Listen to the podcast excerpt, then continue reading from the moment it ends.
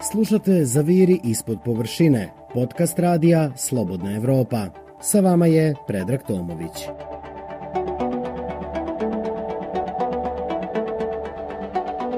Drugog novembra obilježava se Međunarodni dan borbe protiv nekažnjivosti zločina nad novinarima – Prema podacima Komisije za praćenje istraga napada na novinare u Crnoj Gori se do sada dogodilo 87 takvih napada, čija su meta bili ne samo poslanici javne riječi, nego i imovina medija. Nije su samo napadi i prijetnje novinarima metodi kojima se služe oni koji na taj način žele da učutkaju kritičke medije, već se u novije vrijeme pribjegava finansijskom iscrpljivanju medija, kao i usvajanju zakona koji gotovo onemogućavaju istraživačko novinarstvo. Ja sam Predrag Tomović, a u ovom podcastu Radija Slobodna Evropa podsjećam na neke od najdrastičnijih slučajeva napada na crnogorske medije i novinare i tražim odgovore na pitanja da li će promjenom vlasti doći do promjene u odnosu države prema medijima, prije svega kroz rasvjetljavanje napada na novinare, od kojih su neki stari više od deceniju.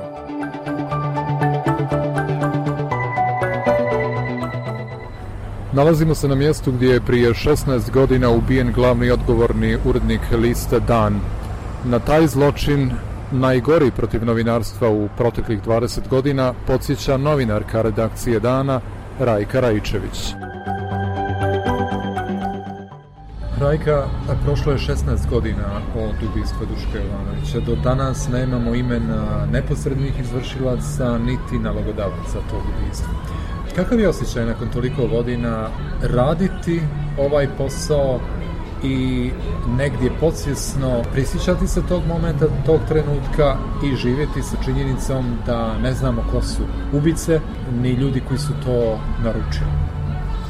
E, danas je 5999 dana tačno od kako je ubijen Duško Jovanović ispred redakcije Dnevnog lista Dan jednako kao i tada, e, mislim i ja i kao i svi članovi redakcije koji su i tada radili i kasnije se pridružili našem redakcijskom timu, e, imamo taj osjećaj velike nepravde i činjenicu da živimo u državi koja nema osnovna prava na slobodu prvo života, a onda i rada i govora i svega ostaloga, s obzirom da se 16 punih godina nije saznalo ništa o tom ubistvu. Kad kažem ništa, to podrazumijeva podatak koji smo polovinom mislim ove godine, dobili od čelnika uprave policije koji je poslije toliko godina doživio nekako prosvjetljenje ili ne znam šta, ili možda moment u kojem on želi da se da otkloni odgovornost koju imao i on i policijske službe i policije uopšte države Crnoj Gore, tada Republike u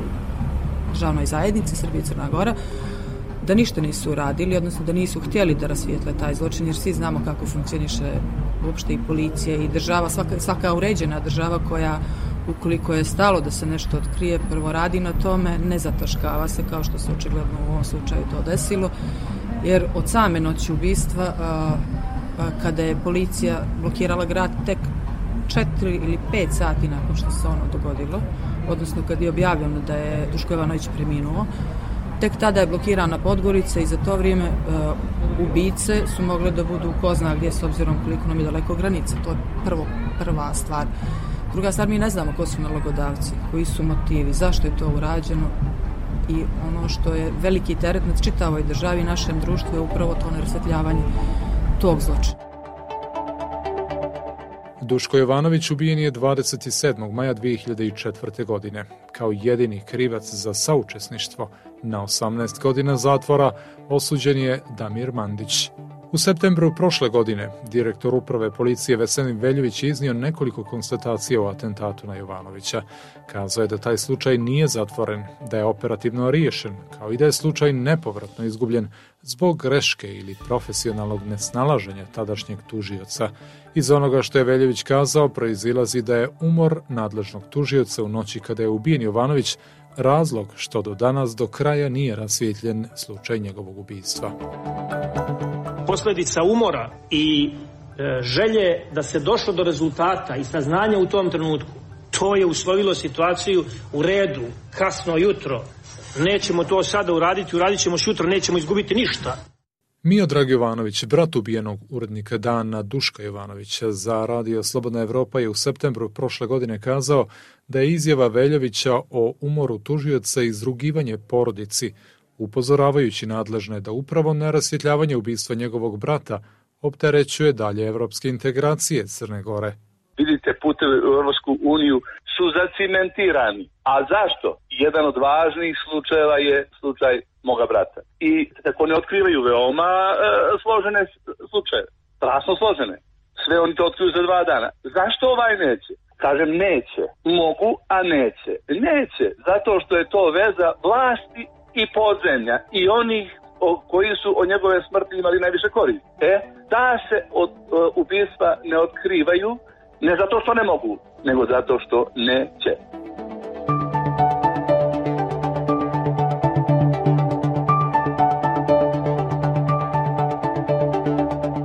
Novinar dnevnika vijesti nedeljnika Monitor iz Berana Tufik Softić dva puta je napadan zbog istraživačkih tekstova o organizovanom kriminalu na sjeveru Crne Gore.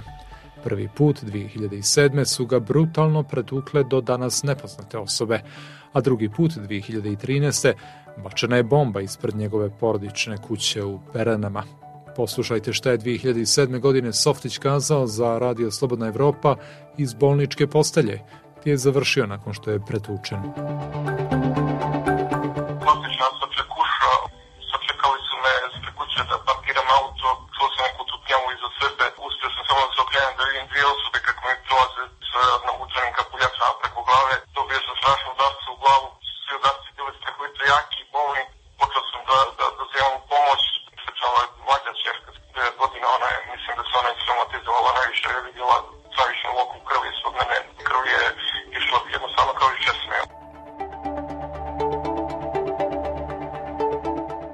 Tufića nakon 13 godina od prvog i 7 od drugog napada na tebe, kako se osjećaš kao profesionalac, odnosno novinar, ali i kao građanin koji je prošao kroz takva iskustva?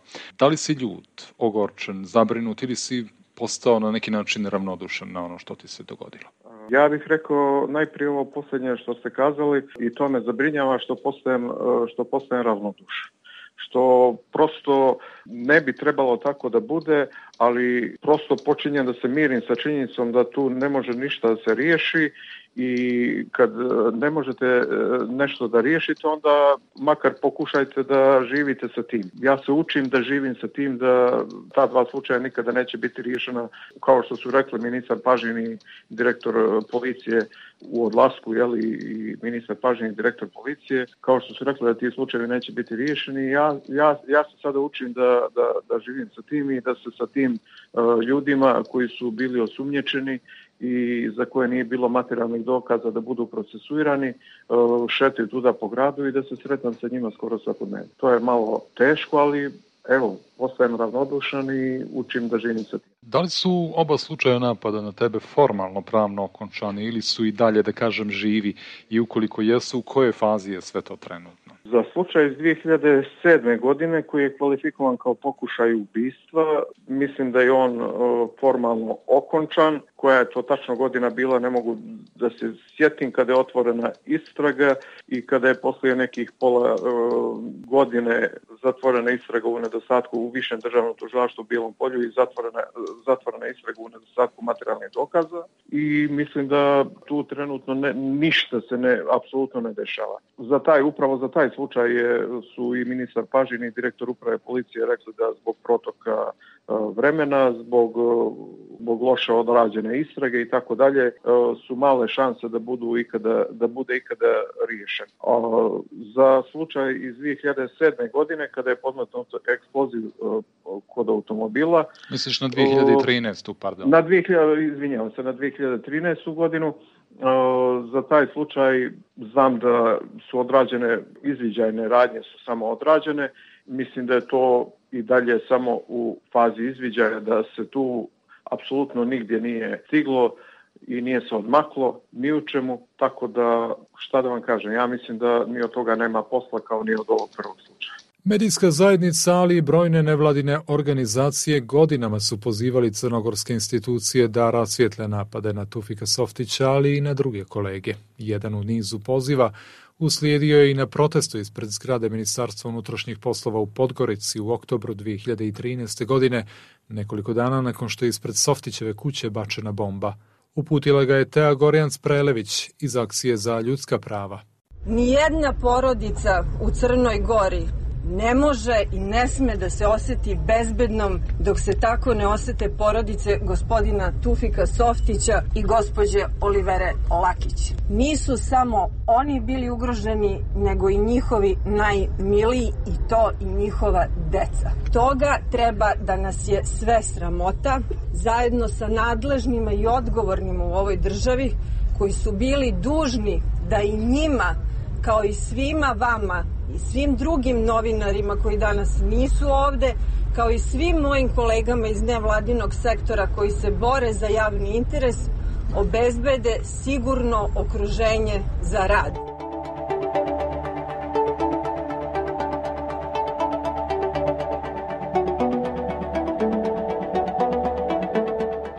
Meta serije napada bili su i novinari i imovina Podgoričkog dnevnika Vijesti. Mihajlo Jovović za ZIP podsjeća na to kroz šta su oni kolege u tom mediju prolazili godinama i koju su cijenu platili za kritički odnos prema crnogorskoj društveno-političkoj stvarnosti.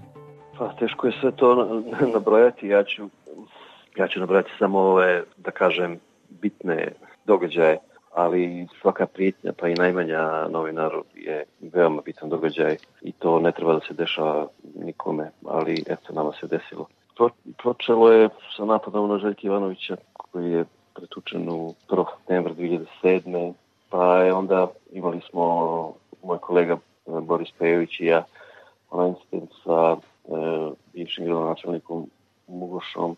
Olivera Lakić je pričeno više puta. Jednom je fizički napadnuta, a ovaj poslednji put je pokušano njeno ubistvo. Bačena je bomba ispred redakcije, zapalili su nam jedno četiri, pet auta, više ne znam nekoliko iz nekoliko puta, više puta smo kamenovani e, redakcije. Bačenje eksploziv ispred prozora redakcije, unutra bilo 15 ljudi. Cilj tih napada je bio da, da nas učutkaju. Problem je što mi ne znamo za 99% tih napada koje, koje je počinila s obzirom na to da vlast nije uložila dovoljno napora i nije željela da pronađe te ljude. Ali eto, to su uglavnom ti glavni, da kažem, napad, iako kažem da je svaki napad e, bitan. U svim izvještajima relevantnih međunarodnih organizacija, kao i Evropske komisije, kao jedno od problematičnih poglavlja u razvoju crnogorskog društva, navode se medijske slobode, odnosno brojni nedostaci i manjkavosti odnosa crnogorske vlasti prema tom pitanju, prije svega kroz nerješavanje napada na novinare. O tome za ZIP govori predsjednik Komisije za praćenje istraga napada na novinare Nikola Marković. Nikola, čini se da je Crna Gora bar u regionalnim okvirima lider uh, u nerasvijetljenim uh, slučajevima napada na, na novinare. Kao neko ko je na čelu Komisije za praćenje istraga napada na novinare, prosto koji su, da kažem, dometi uh, tog tijela bili i jesu u ovom trenutku, budući da smo i u prethodnom periodu, a i sad negdje temu napadi na medije, na novinare, medijske slobode potisnuli zbog, da kažem, političkih tema. U kojoj fazi je cijela ta priča trenutno? Mislim da je sama činjenica što u Crnoj Gori imamo registrovano 87 napada na novinare, dovoljno govori o tome koliko je važno da postoji komisija koja se bavi istragama napada na naše kolege. Jer posjetit ću vas, dok komisija nije formirana i dok mi, mi nismo počeli da sistematski se bavimo svim slučajevima napada na novinare u Crnoj Gori, niko nije znao koliko ima novinara, koji su to novinari sve napadnuti, koji je intenzitet tih napada. Ono što je posebno važno jeste što je komisija kroz svoje izvještaje ukazala na brojne propuste i traljave istrage, ali i svjesnog, rekao bih, pokušaja zataškavanja određenih slučajeva ovaj, i prezentovala ih javnosti. Posjetit ću da komisija nema mandat ni po zakonu ni po ustavu da vodi istrage I to je ono što ljudi često griješe, kaže koji ste vi napad rasvijetlili.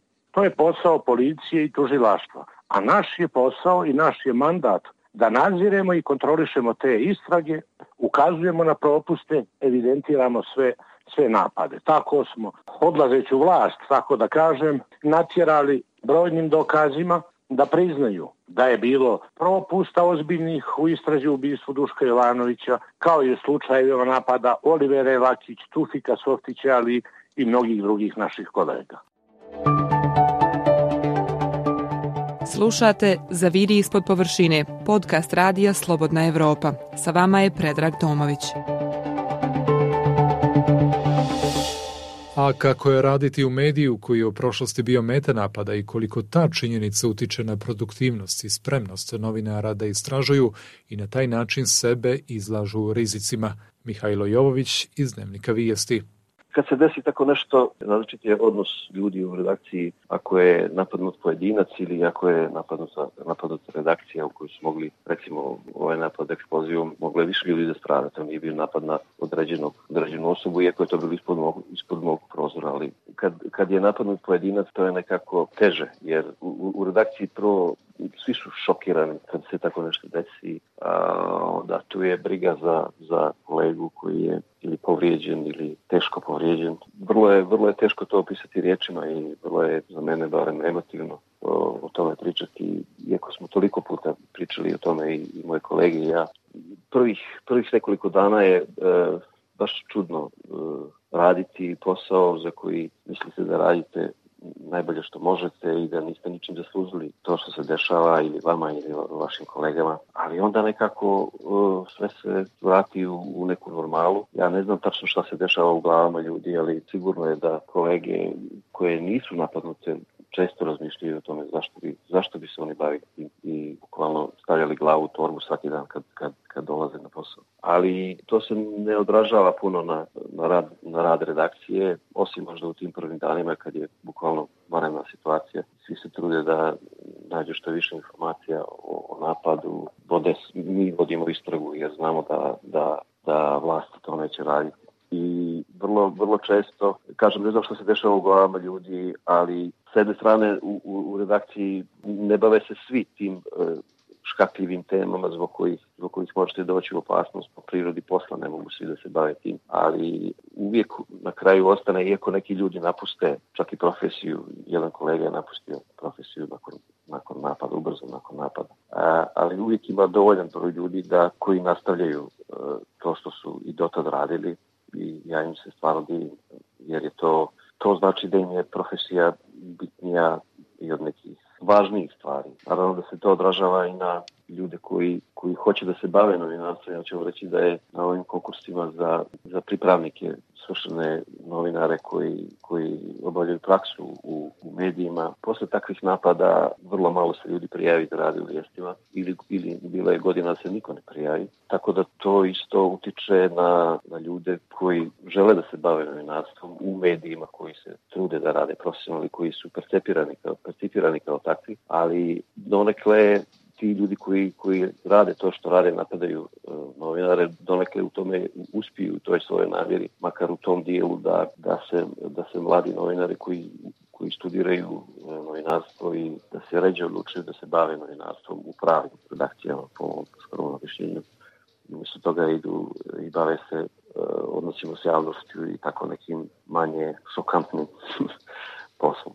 A šta o pritiscima na novinare kaže Rajka Rajčević iz Dnevnika Dan? Pa znaš kako, ovaj, što se samog tiče pritiska na ljude iz redakcije i same redakcije, mi ih nismo imali. A, mi smo ih imali u smislu da mi imamo i tu nekakvu a, autocenzuru ili a, pritisak neke takve unutar redakcijske vrste. Mi to nismo imali, nego smo radili kako tad, tako i sad makar ja imam takav, takav doživlja, ja mislim da sam u pravu, da otkrivamo i da nastavimo da otkrivamo sve što se dešava u Crnoj Gori, što je mimo zakona, na kraju mi smo čuvari demokratije, ali tako mediji svi, tako da nam je to i opisu posla i da smo mi možda ne mogu reći žešće, ali smo istim tempom nastavili da razotkrivamo razne afere u kojima smo, nažalost, imali kako tad, tako i danas, čitavih tih 16 godina, jednu istu strukturu ljudi na vlasti koji su upravljali državom i koji su nam uglavnom glavni akteri svih tih afera. E, što se tiče e, finansijskih pritisaka, oni su bili konstantni. A onako kako, kako se to kako je to najlakše utvrditi, to vam je recimo sistem oglašavanja. mi smo kao opozicioni mediji, kao tako i osnovan, tako i prepoznat, bili uskraćeni da dobijamo novac koji, koji je iz, sa, iz budžeta usmjeravan na reklamiranje recimo državnih institucija u određene medije koji su bili bliski vlasti. Na taj način smo mi direktno ovaj, uskraćeni za novac koji je bio, koje, to je regularno finansiranje jednog medija. Ali oni su vrlo vješto vra, uh, vodili računa o tome da nama ni na taj način uh, ne daju uh, bilo kakvu vrstu finansijske sigurnosti, nego da nas i na taj način pritisnu. Znači da očekuju da ukoliko nemamo priliv iz budžeta, kroz nekakav regularni tok, uh, da, da ćemo da oslabimo ili možda da se ugasimo ako je to bio cilj, a vjerovatno jeste samim, samim činom ubistva vlasnika i urednika lista, da, da je vjerovatno to bio cilj ljudi koji su učestvovali sa tome.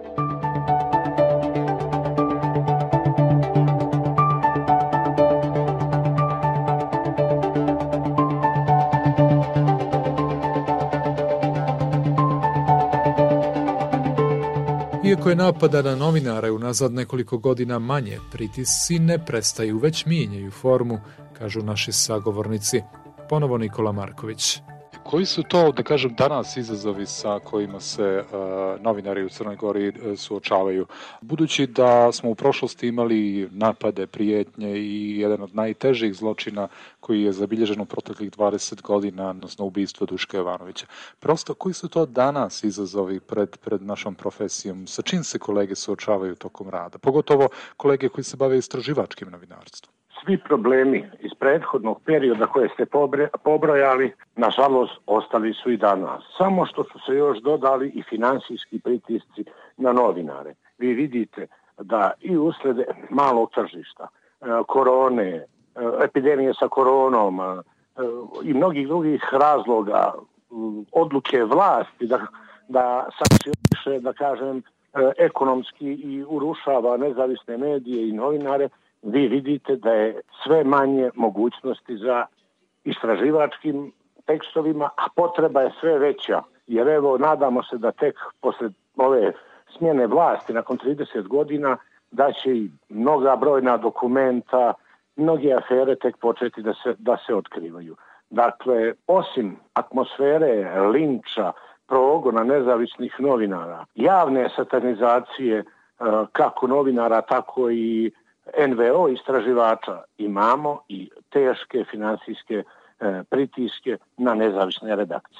Tu su, da kažem, čini mi se i sistemski problemi, odnosno problemi u zakonodavstvu kao jedna od ključnih prepreka za bolje, da kažem, istraživačko novinarstvo u Crnoj Gori je taj famozni zakon o slobodnom pristupu informacijama. Šta u tom pogledu očekujete od novih vršilaca vlasti? Očekujem da to bude jedan od njihovih prioriteta. Zakon o slobodnom pristupu informacijama je jedna od osnovnih alatki kojima se koriste novinari i istraživači. I zbog toga da je DPS upravo mijenjao više puta kako bi ga sveo na mjeru da vi ne možete dobiti ni jedan dokument, da se sve, pa čak i banalne stvari, proglašavaju tajnom. Da vi možete da shvatite da je, da je vlada, čak i budžet, dakle novac građana, proglasila tajnom. Dakle, mi ne možemo kao građani, kao novinari da znamo kako neko ime naše troši, troši novac koji je prikupljen jeli, od svih nas kao poreskih obveznika.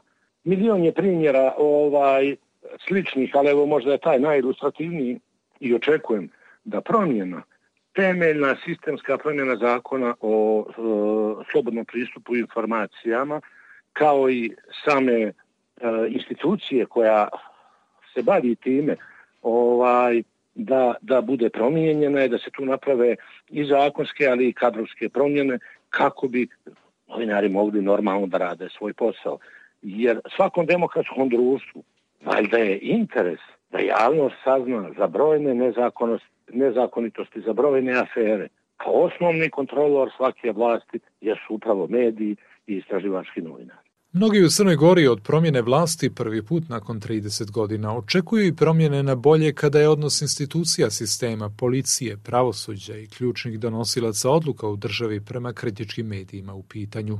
Taj odnos će se mjeriti učinkom na polju rasvjetljavanja napada na novinare iz prošlosti, zbog čega su pojedini napustili profesiju. Među onima koji su ipak izabrali teži put, odnosno odlučili da ostanu, je i Tufik Softić. Ja sam imao dva izbora. Neću da kažem da nisam razmišljao o tome da napustim novinarstvo u nekim najtežim momentima, ali jedini izbor je bio da uh, odem negdje vani, bilo je ponuda, dakle da odem negdje vani i da negdje sadim cvijeće. Ja nisam pristao na tu lakšu, kažem, varijantu koja bi za mene bila možda bezbolnija i lakša. Ja sam opredelio se da ostanem ovdje iz dva razloga što iz osnovnog razloga zato što sam ja školovani novinar, dakle završio sam žurnalistiku, magistrirao sam u toj oblasti, ja drugi posao ne znam da radim. Ja da sam znao da radim neki drugi posao i da preživljavam, ja bih možda i promijenio posao. A s druge strane, opet negdje mislim da e, je novinarstvo na neki čudan način profesije koja čovjeku nudi mogućnost da se izrazi kao ličnost, da ostvaruje nešto što se zove autentična egzistencija i da ima svoje draži. Dakle, kad se čovjek negdje, negdje u, u mladim danima inficira novinarstvom, a dočeka neke ozbiljne godine, da, da, da ne kažem starost, ali ozbiljne godine dočeka o, i dalje u novinarstvu, onda, onda je teško napustiti novinarstvo. Tu fiče nakon vremenske distance od 13 godina, jeli posle prvog i sedam od drugog napada, da li možeš da kažeš da je Crna Gora danas više ili manje bezbjedna kao okruženje za rad novinara?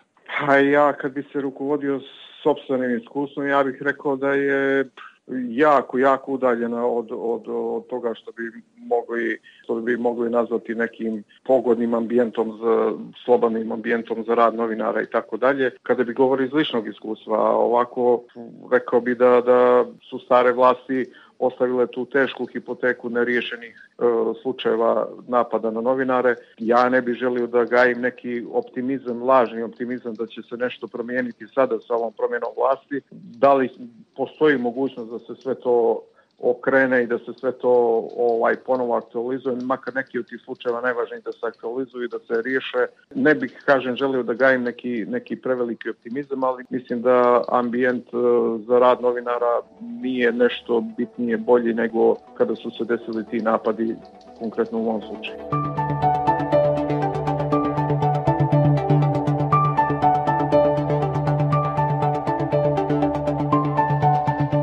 Situacija na svjetskom nivou nije mnogo bolja od crnogorske kada su napadi i prijetnje novinarima i medijima u pitanju. Naime, Komitet za zaštitu novinara, koji od 1992. godine prati ubistva i napade na poslanike javne riječi, ocijenio je da je 2019. bila godina sa najmanjom stopom ubistava, ali da se novinari širom svijeta i dalje suočavaju sa prijetnjama, napadima, pa čak i ubistvima koja prođu nekažnjeno.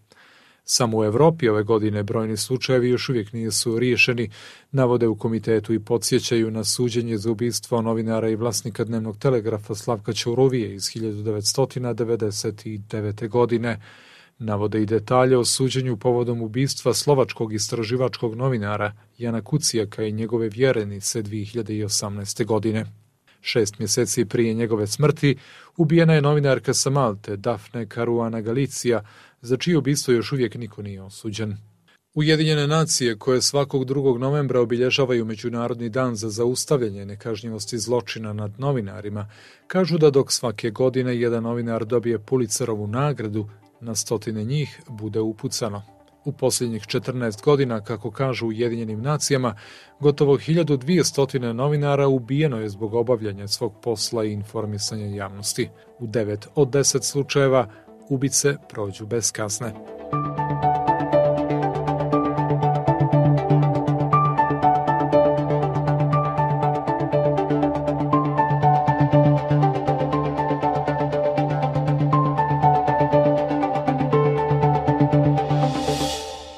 Ovo je bio podcast ZIP, zaviri ispod površine. Ja sam Predrag Tomović. Slušajte me ponovo na slobodnaevropa.org.